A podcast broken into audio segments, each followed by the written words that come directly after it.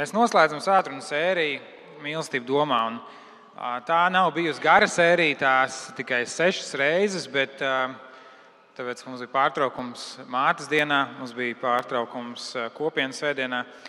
Un, tad varbūt ir tāda sajūta, ka kaut kas ir aizmirsies. Un es gribu teikt, ka um, visa šī svētdienas sērija iet secīgi. Un, protams, ka var noklausīties atsevišķu svētdienu, un es, es ticu, kā mēs ar Daniju runājām, ja, ja Dievs var lietot ēzeli vecajā derībā, lai runātu un svētītu, tad, um, un, tad, tad Dievs var lietot arī mani. Un es ticu, ka Dievs var uz tevi runāt, un Viņš grib runāt. Bet, eh, lai kopumā saprastu to, par ko tiek runāts, eh, ir, ir svarīgi noklausīties visas svētdienas šajā sērijā un secīgi iziet tam cauri. Kā jūs neesat kādu dzirdējuši, to iespējams izdarīt mūsu YouTube kanālā, eh, Spotify, gal galā mūsu mājaslapā. Mēs šodien daudz pieminam mājvieta.lv. Un, eh, un domāt tam līdzi. Un, un tas ir attiecību, eh, tā ir attiecību sērija. Tas ir attiecību materiāls. Tas, ko mūsu draugs nedarīja, bet citas Baptistu draugas šajā laikā, viņām bija pāri vakari precētajiem, pāri vakari vēl neprecētajiem. Um, un, un, un, un tur viņi domāja padziļinātāk un praktiskāk. Un es esmu centies iekļaut kādas no tām lietām arī, arī šeit, bet, bet um, tas, ko mēs varam domāt, ir par mūsu attiecībām. Un visa dzīve patiesībā ir par attiecībām. Ja mēs domājam par mūsu ticību, tad uh, reizēm varbūt pat um, neviļus mums liekas, ka nu, tā ir kaut kāda formula. Tā, tas ir kaut kāds algoritms, uh, tas ir kaut kas tāds, ko mēs darām. Nu, ja es darīšu tā, tad notiks tā. Ja es dzīvošu labu dzīvi, tad Dievs mani svētīs. Ja es negrēkošu, es nokļūšu debesīs. Um, um ja es uzvilkšu jaku, man būs silts. Ja? Nu, ir dažādas cēloņi un sak sakarības, uh, kuras mēs dzīvē ejam, un reizēm mums liekas, nu, ka mūsu, mūsu ticības dzīve ir līdzīga. Ja mēs kaut ko darīsim, tad notiks tā. Un tas, un tas kas mums šeit uh, ir atklāts, ir, ir vienkārši tā instrukcija, uh, Ja, angliski ir tas basic instructions before leaving earth. Ja? Man liekas, tas ir pilnīgi galīgi garām. Ja? Jo tā nav instrukcija grāmata.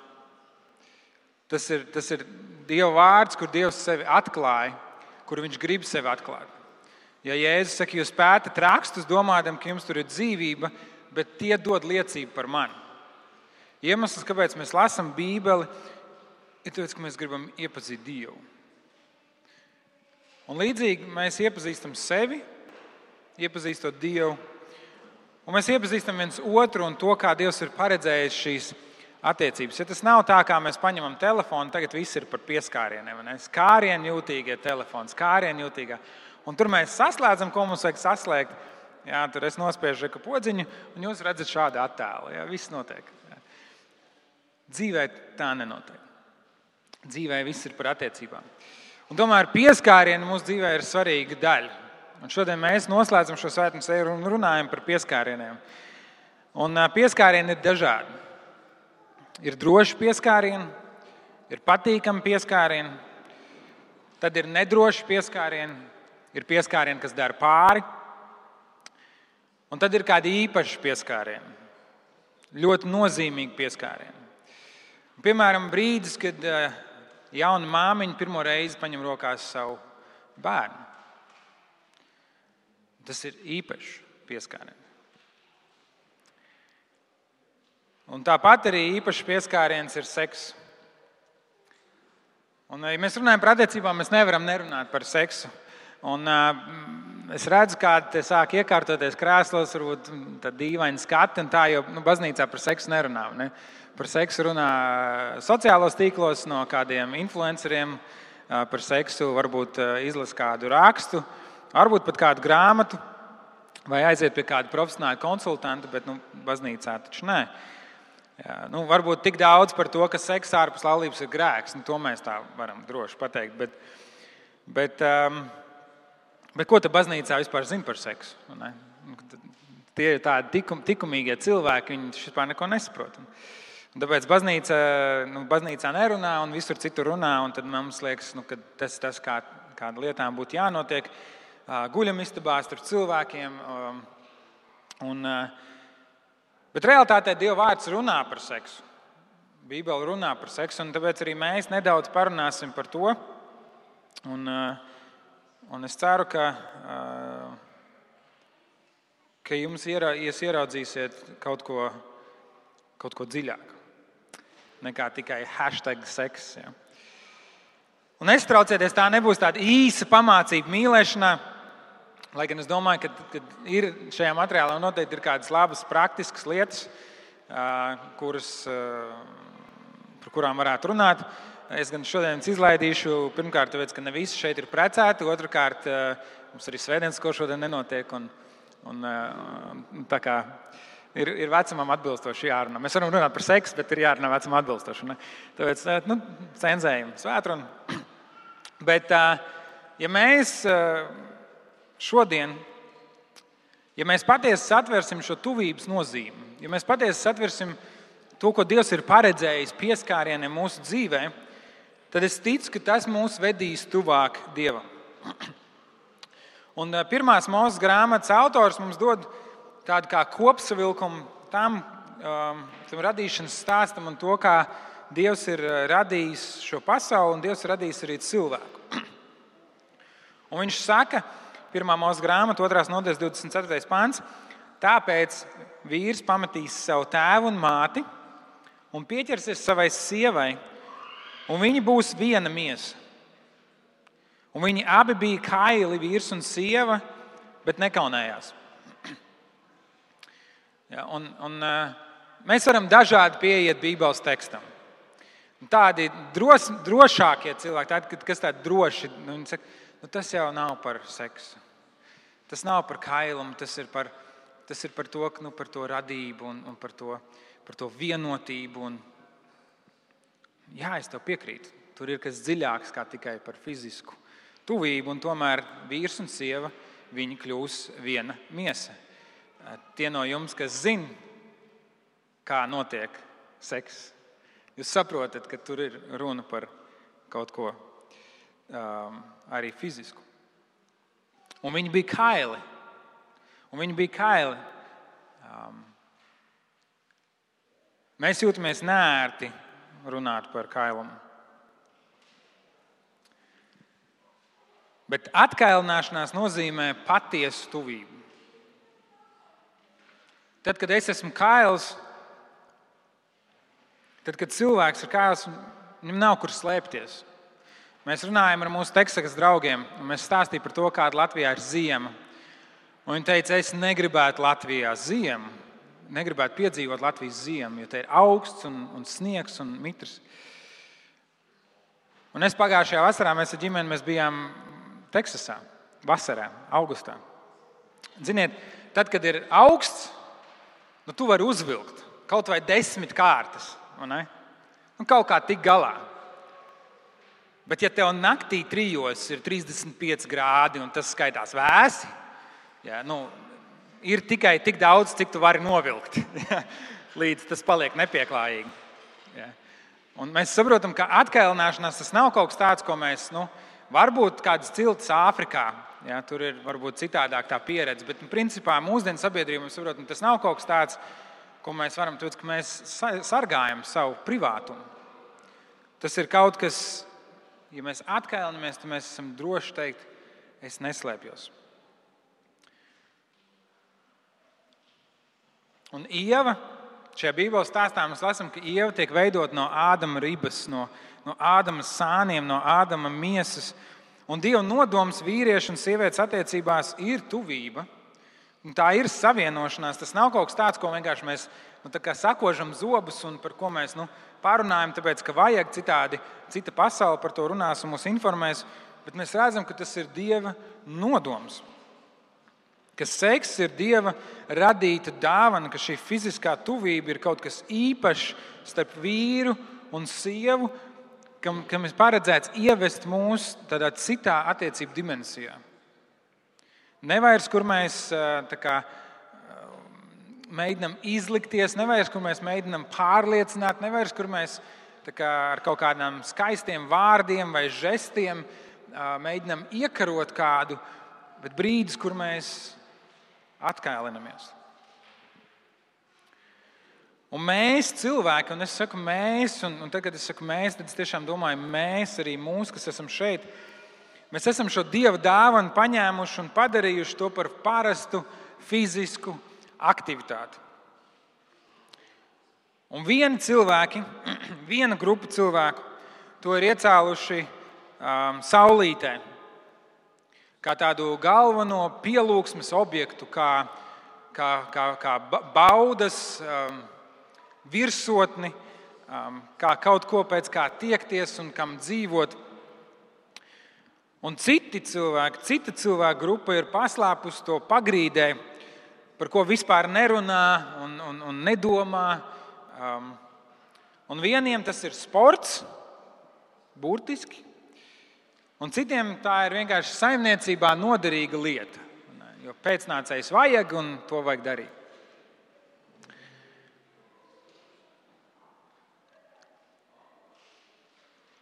Un, protams, ir arī citi pieskārieni bez seksa, un arī līdz seksam mēs parasti nonākam ar citiem pieskārieniem. Bet, lai pareizi saprastu šo tuvības nozīmi, mums ir jārunā par šo atkailināšanos. Un, kā jau teicu, atkailināšanās ir tāda nērta tēma. Bet kāpēc? Kāpēc? Mēs visi par to domājam pētījumi vai statistika saka, ka vīrieši par to domā biežāk nekā sievietes. Protams, ir arī izņēmumi. Bet kāpēc mēs piesadzamies un nerādām sevi visiem? Kāpēc mēs nedzīvojam kā no mātes miesām nākuši? Tāpēc, ka mēs intuitīvi jūtam, ka tas ir kaut kas ļoti personisks. Ka tas ir kaut kas trausls, Tas ir kaut kas īpašs. Kaut kādā ziņā tas ir kaut kas svēts. Un, protams, lasot Bībeles radīšanas stāstu, mēs redzam, ka iesākumā tā nebija. Iesākumā cilvēki bija brīvi būt kaili viens otru klātbūtnē, un viņi nekaunējās. Raksts saka. Cilvēki varēja teikt, šeit tāds es esmu, man nav ko slēpt. Šeit tāds es esmu, un man nav bail, ka tu man sāpinās. Jo, kad mēs esam kaili, mēs esam visievainojamākie. Un mēs neesam gatavi šādi atklāties kuram katram. Un tad, kad grēks ienāca pasaulē, cilvēks saprata, ka viņš ir ievainojams. Cilvēks saprata, ka viņš var tikt sāpināts, cilvēks saprata, ka viņš var tikt pievilcis. Viņš vairs nevar pilnībā uzticēties. Un cilvēks slēpjas. Un cilvēks mēģina sev no koku lapām uztaisīt apģērbu. Un Dievs savā žēlstībā paslēpj cilvēku kaunu. Izlējot nevainīgas dzīvnieku asinis, lai darinātu apģērbu no ādām. Dievs apslēpj to mūsu kaunu.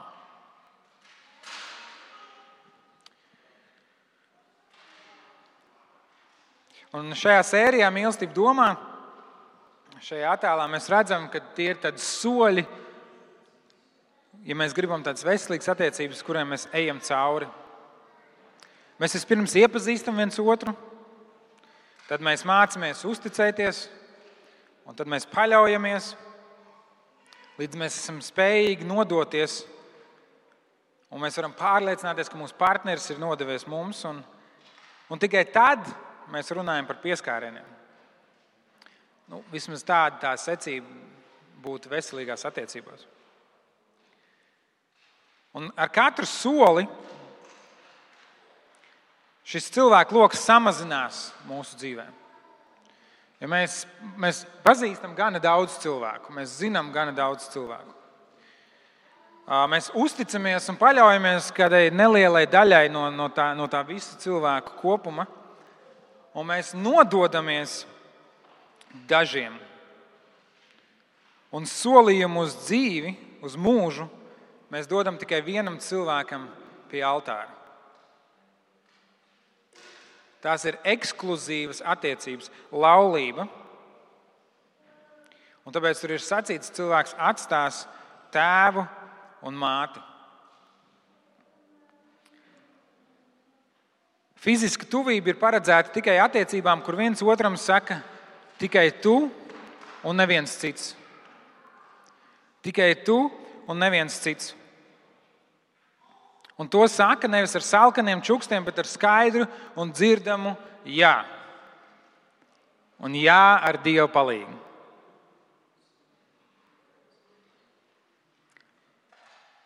Tas nav tāpēc, lai atņemtu mums prieku. Tas nav tāpēc, lai ierobežotu mūsu. Mūsdienās cilvēks saka, beidz ākstīties. Seks ir labs, tas ir forši. Ej un dari, dzīvo, baudi, esi laimīgs. Dievs saka, tās ir ekskluzīvas attiecības. Starp vīrieti un sievieti laulībā. Kāpēc? Kāpēc? Mēs daudz runājam par tradicionālām vērtībām, mēs daudz cīnāmies par to. Tikko bija praida gājiens, dažādas citas lietas, kas izaicina mūsu uztveri, kas izaicina to, ko Dievs saka par to, kādām būtu jābūt šīm attiecībām. Un šajās sarunās ar cilvēkiem būtu labi, ja mēs spētu pateikt, kāpēc. Mēs, protams, varam lietot visādus vispārējus terminus par dabisku ģimeni, par tradicionālu ģimeni un vēl uz kaut ko, bet kāpēc? Mums, kristiešiem, tur ir kas vairāk. Tur ir kas īpašs. Jo dabiska ģimene man kā vīrietim liekas dabiski bez dieva žēlastības Viena sieva, nu nezinu, sieviņas mīl tevi, bet man kā vīrietim dabiski, viena sieviete uz visu mūžu, nē, es nezinu, cik dabiski tas man būtu. Tradicionāli. Nu, ko nozīmē tradicionāli? Kurā kultūrā? Mūsējā. Tur, kur ir heteroseksuāls attiecības, bet piektā laulība. Mm, es nezinu, cik, cik Bībele to atbalstīs. Redziet, mums jābūt, mums, mums jābūt izpratnē par to, ko Dievs saka par laulību un attiecībām. Un tāpēc tur ir šie tikai tu un neviens cits. Jo Dievs ir izvēlējies savas attiecības ar draugu salīdzināt ar laulību. Laulība, kurā mēs viens otru pazīstam, uzticamies, esam nodevušies un pilnībā atklāti. Pāvils raksta efeziešiem par laulību un par draugu. Efeziešu eh, vēstules 5. nodaļā viņš saka, tāpat arī vīriem pienāks mīlēt savas sievas kā savu miesu. Tas, kas mīl savu sievu, mīl sevi pašu, jo neviens jau nenīst savu pašu miesu, bet gan to baro un lolo, tāpat kā Kristus savu draugu. Mūsu, kas esam viņa miesas locekļi. Tādēļ cilvēks atstās savu tēvu un mātu un pieķersies savai sievai, un tie divi būs viena miesa. Ja, tad Pāvils citē to, ko, kas rakstīts Mozus grāmatā, un viņš saka, šis noslēpums ir liels. Te es runāju par Kristu un draugu. Tomēr arī jūs ik viens mīliet savu sievu kā sevi pašu, bet sieva, lai bīstas vīri. Pāvils saka, šis noslēpums ir liels. Neuztveriet to par pašsaprotamu ka vienkārši tā ir jābūt, jābūt tāpēc, ka tā ir bijis. Un mēs nekad nesapratīsim šo noslēpumu, par kuru Pāvils raksta, ja seks mums būs tikai fiziska aktivitāte. Ja tas vienkārši būs nu, tāds, ziniet, ir, ir glāsts, tad ir apskāviens, tad ir uh, plecu masāža uh, un tad ir seks. Nu, tā nu, vienkārši kaut kāda augstākā pieskāriena pakāpe. Tur ir kas vairāk, Pāvils raksta, tas ir noslēpums. Vīriešu un sievietes attiecības, un, un Kristus un draudzes attiecības, tur ir kaut kas vairāk. Jēzus savā lūgšanā lūdz tēvu, viņš lūdz, lai mēs būtu viens. Es nelūdzu par viņiem vien, bet arī par tiem, kas tic uz mani caur viņu vārdiem, lai visi būtu viens, it kā tu tēvs manī un es tevī, tā lai arī viņi būtu mūsos lai pasaule ticētu, ka tu mani esi sūtījis. Un to godību, ko tu man esi devis, es esmu devis viņiem. Lai viņi būtu viens tāpat kā mēs esam viens. Es viņos un tu manī, lai viņi ir pilnīgi vienībā, lai pasaule atzītu, ka tu esi sūtījis mani un esi viņus mīlējis tāpat kā mani esi mīlējis. Padomājiet par to. Ir cilvēki, kur teiks, nu, nav taču svarīga forma, galvenais ir mīlestība. Vienalga kāda mīlestība. Mīlestība ārpus laulības, mīlestība starp vienu un tā paša dzimuma cilvēkiem, mīlestība. Galvenais, lai cilvēks ir laimīgs. Un Bībele novelk robežas un saka, zini, bet, bet šī ir īsta mīlestība. Un tie cilvēki, kuriem no jums ir bērni, jūs ļoti labi sapratīsiet šo. Mēs mīlam mūsu bērnus, bet mēs novelkam viņiem robežas. Tieši tāpēc, ka mēs mīlam mūsu bērnus. Mums dzīvoklī ir sētiņa uz virtuvi. Roņa domā, ka tas ir ļaunuma izgudrojums. Māma tur taisa ēst, cepeškrāsnī kaut ko cep garšīgu, vai uz plīts ir lielie katli, un tur gribās būt, tur ir darbība, tur ir rosība. Un Roņa domā, ka tā sētiņa ir nu, visbriesmīgākā lieta pasaulē. Bet mēs apzināmies, ja tā sētiņa tur nebūs, tad ir bīstamība tam, ka Roņa apdedzināsies. Un tam var būt briesmīgas sekas. Tā sētiņa ir tur nevis tāpēc, ka mēs gribam Roņu ierobežot, bet tāpēc, ka mēs gribam viņu pasargāt. Tāpēc, ka mēs viņu mīlam. Jānis raksta šeit, viņš saka, es gribu, lai tie cilvēki, kas ir draugi, lai viņi ir manī tāpat kā es esmu tevī. Mēs kalpojam Dievam, kas ir trīsvienība. Un es neskaidrošu trīsvienības, tas mums vajag veselu semināru par to. Man ir viena laba grāmata angļu valodā, ko es varu ieteikt un iedot. Brīnišķīga grāmata. Bet, bet ideja par to, ka mums ir viens Dievs trijās personās, un, un viņi ir trīs dažādas personas, bet viņi ir viens. Viņi ir viens, viņiem ir šī sadraudzība, viņiem ir sava nodošanās, mūžīga nodošanās. Un Jēzus lūdz tēvu, un viņš saka, es gribētu, ka šie cilvēki ir tāpat kā mēs, lai viņi ir nodevušies. Tad, kad mēs esam uzticīgi, tā ir nodošanās. Un, un, un kāpēc? Divās vietās šajā īsajā raksturvietā, trijos pantos, Jēzus divreiz pasaka, lai pasaule ticētu, ka tu man esi sūtījis, un lai pasaule atzītu, ka tu esi man sūtījis. Laulība, nodevusies laulība, tas nav tikai tāpēc, lai tu būtu laimīgs, lai tev būtu labi, tāpēc, ka Dievs tev grib labāko, kas, kas ir taisnība. Bet laulība, kur mēs ieguldam darbu, lai tā būtu ilgstoša laulība, liecina par Jēzu Kristu. Nodošanās attiecībās, kur mēs esam uzticami, kur mēs rūpējamies, kur mēs, kur mēs darām visu iespējamo, lai attiecības um, ne tikai pastāvētu,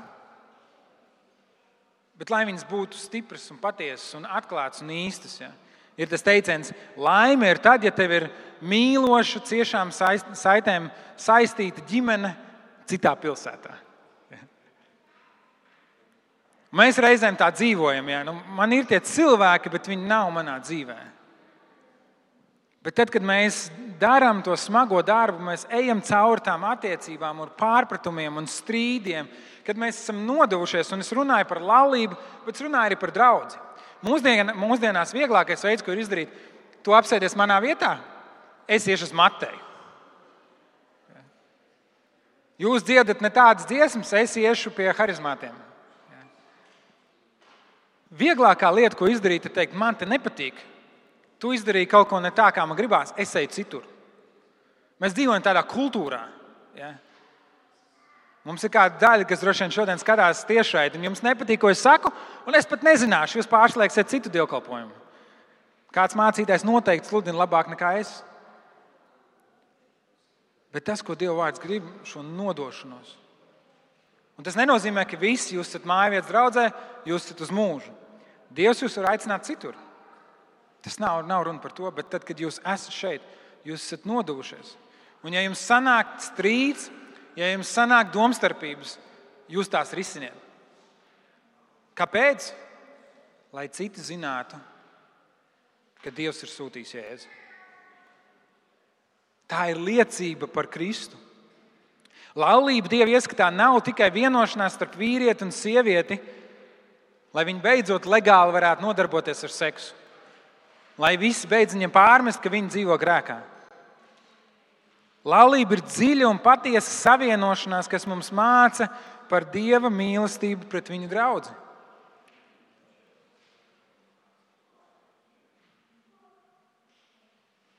Un tieši tāpēc laulība ir tik īpaša Dieva acīs. Un viņš vēlas, lai tā būtu īpaša arī mums. Kristus sadara savu dzīvību par savu draugu. Viņš vēlas, lai mūsu laulība atspoguļotu to. Viņš vēlas, lai mēs piedzīvojam Dieva pilnību.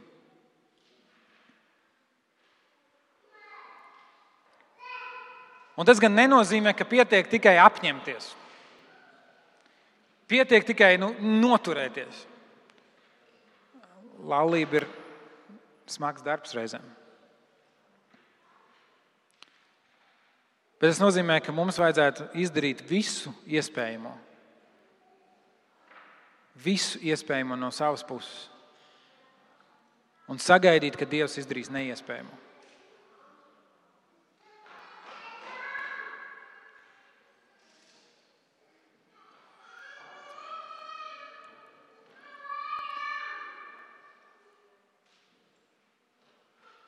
Mēs viens otru sāpinam, mēs viens otram darām pāri.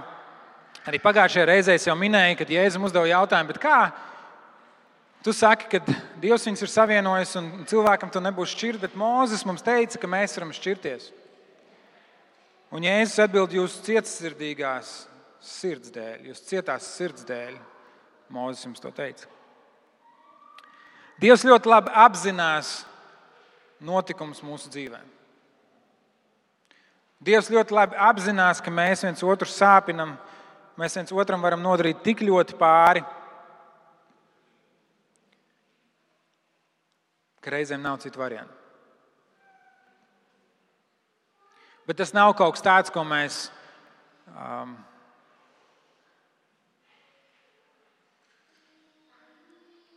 Tas nav kaut kas, kaut kas tāds, ko mums vienkārši vajadzētu teikt, bet nu, vienmēr ir šī opcija.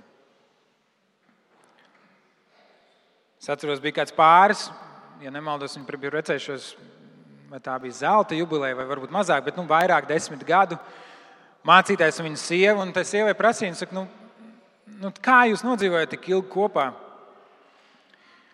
Vai tiešām nav bijis neviena reize, kad, kad jūs gribētu šķirties?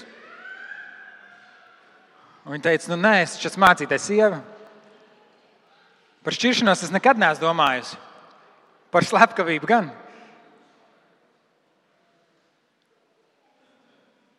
Ja, bet, bet caur jokiem, ja, bet, bet to, ka tas, vai es esmu izdarījis visu iespējamo.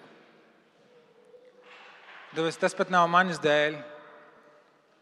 Ja, tas nav par to, ka mēs vienkārši paliekam kopā, ja sen jau katrs dzīvojam diagonāli pretēji, pēc iespējas tālāk, bet galvenais, ka laulība nav šķirta.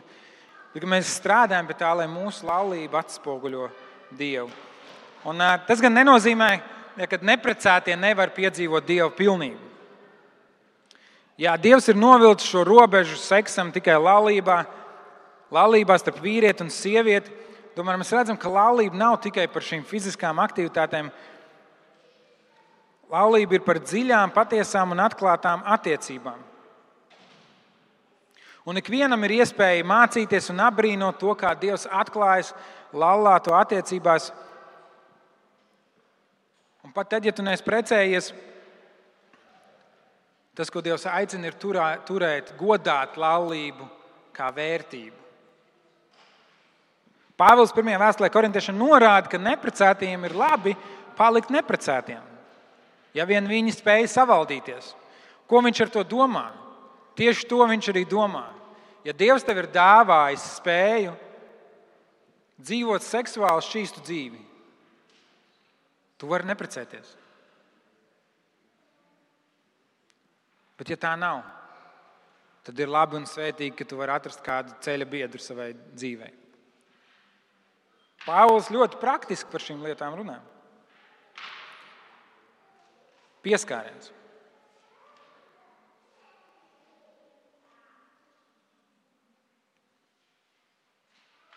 Mēs saprotam, ka ir dažādi pieskārieni. Mēs runājam par seksu, kas ir tikai laulībai. Bet ir pieskārieni, kas, kam ir dažādas robežas un, un, un dažādas vidas, kur mēs dažādi viņus lietojam. Es varu sarokoties ar daudziem, es varu apskaut kādus, bet klēpī es ņemu parasti tikai savus bērnus, varbūt leņķu bērnus vai vēl kādus bērnus. Bet man ir īpašas attiecības ar manu sievu. Pieskārām ir savas gradācijas. Un kāds teiks, tas ir novecojis uzskats. Es teiktu, ka šī grāmata ir diezgan sena. Iespējams, ka tā arī ir.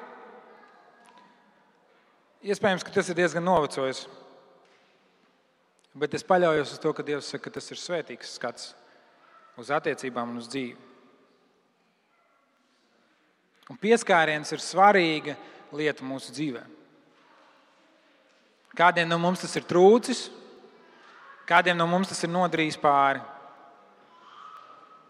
Un mums ir jāmācās ļaut Dievam mūsu dzīvē pieskarties. Un bieži vien tas notiek ar citiem cilvēkiem. Bet lielākā daļa no mums esam šeit, tāpēc ka Dievs kādā brīdī mums ir pieskāries. Es nezinu, kā tu, bet es nācu pie Dieva. Tie bija vairāki gadi, kad es kā bērns un pēc tam jaunietis braucu uz nometnēm.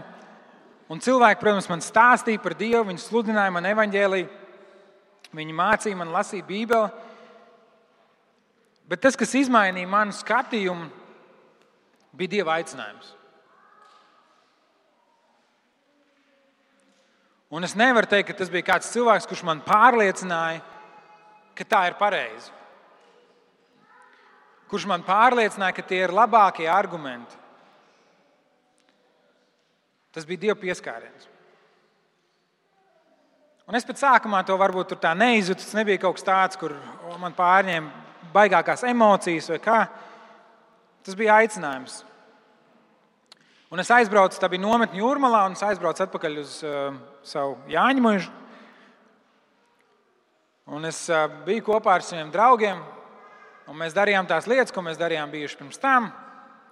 Visādas lietas, ko pusauģiem nevajadzēja darīt. Un es jūtu savā sirdī, tas vairs neesmu es. Es vairs negribu tā dzīvot.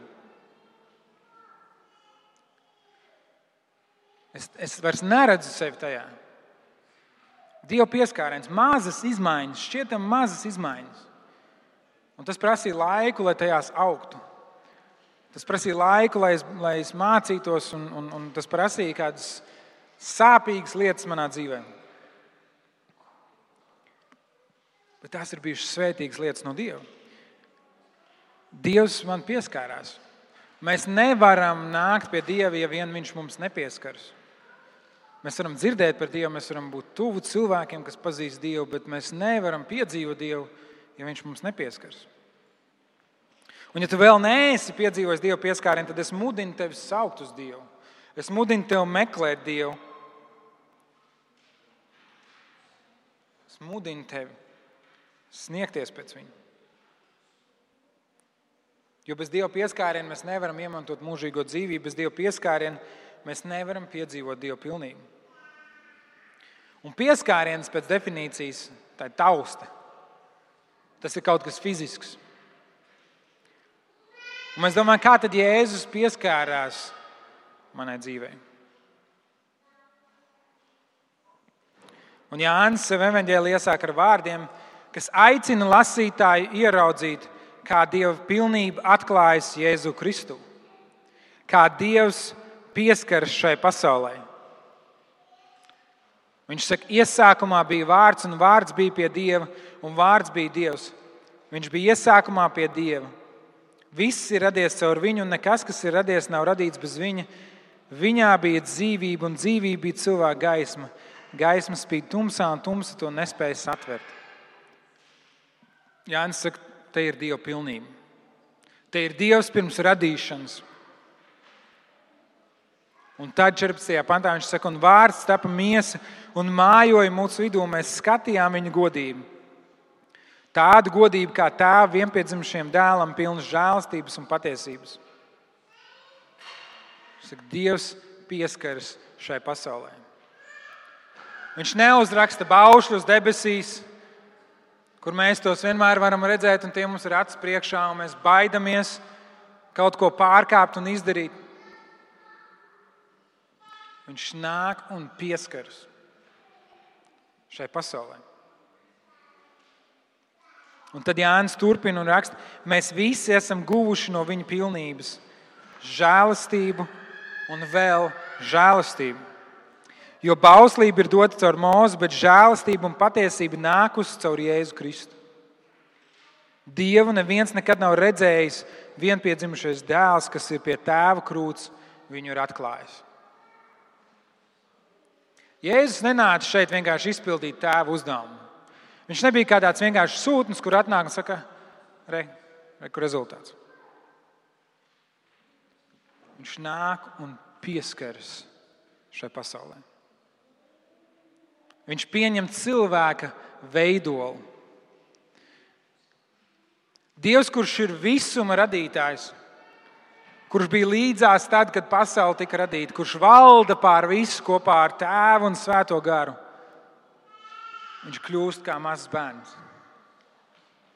kuru Marija tur savās rokās, kuram Jāzeps māca galdniecības noslēpumus, kurš kopā ar brāļiem spēlē paslēpt, nu, iespējams. Ja.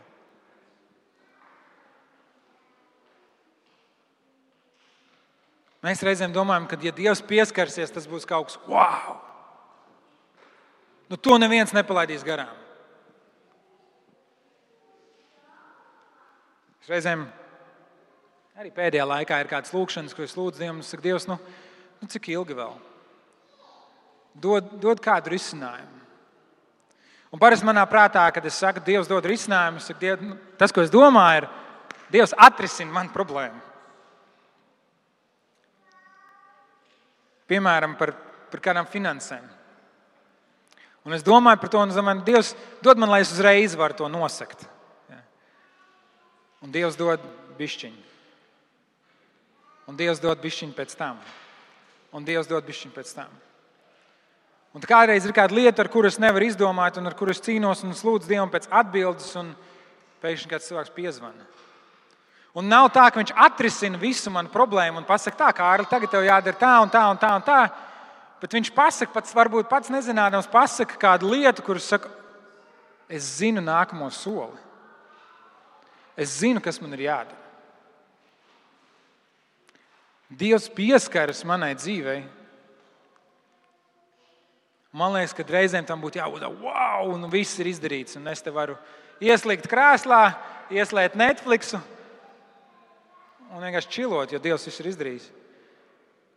Bet tas, ko Dievs saka, viņš saka, šeit tev, lūdzu, instruments. Šeit tev gaisma, nākamais solis.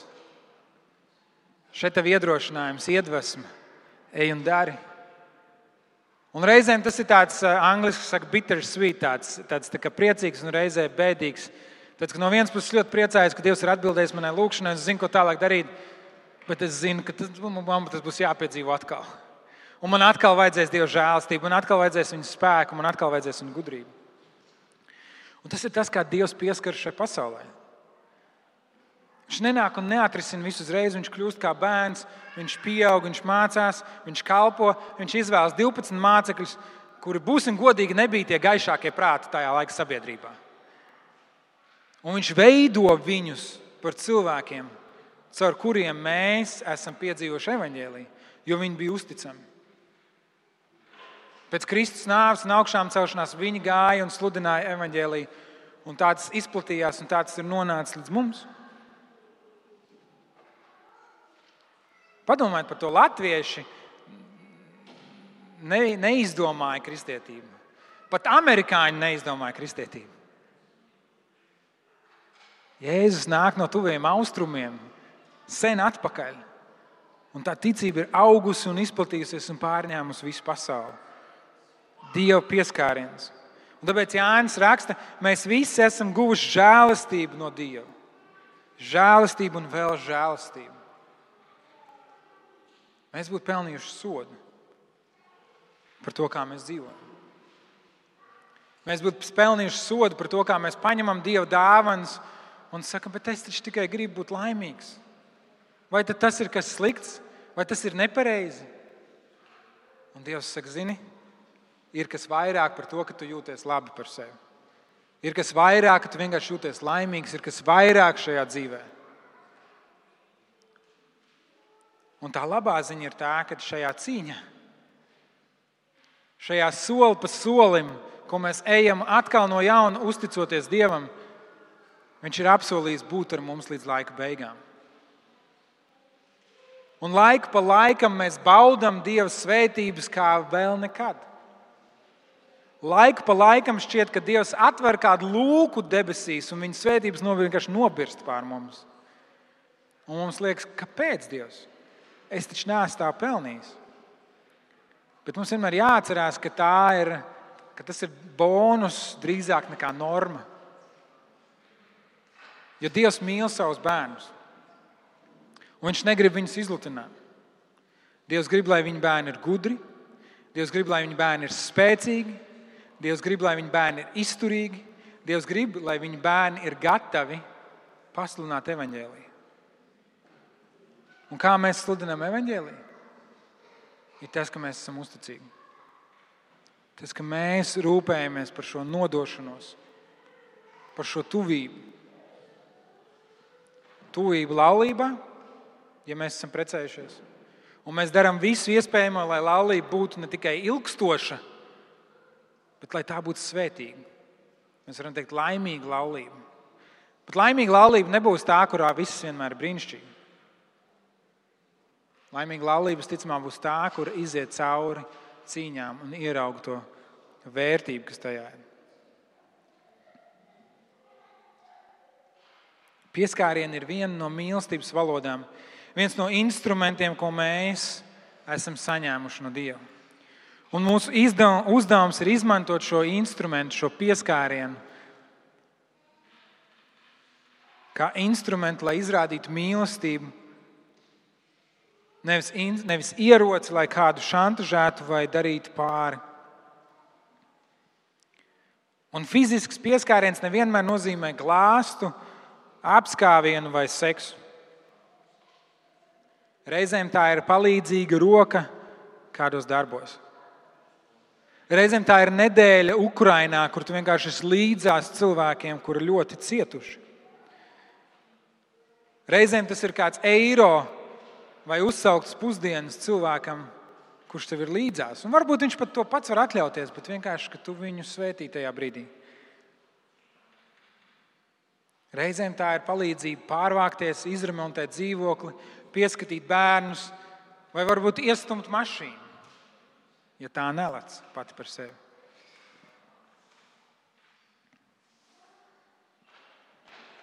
Es vēlos noslēgt ar vārdiem no vēstules Filipiešiem. Otrās nodaļas, no 1 līdz 8 pantam.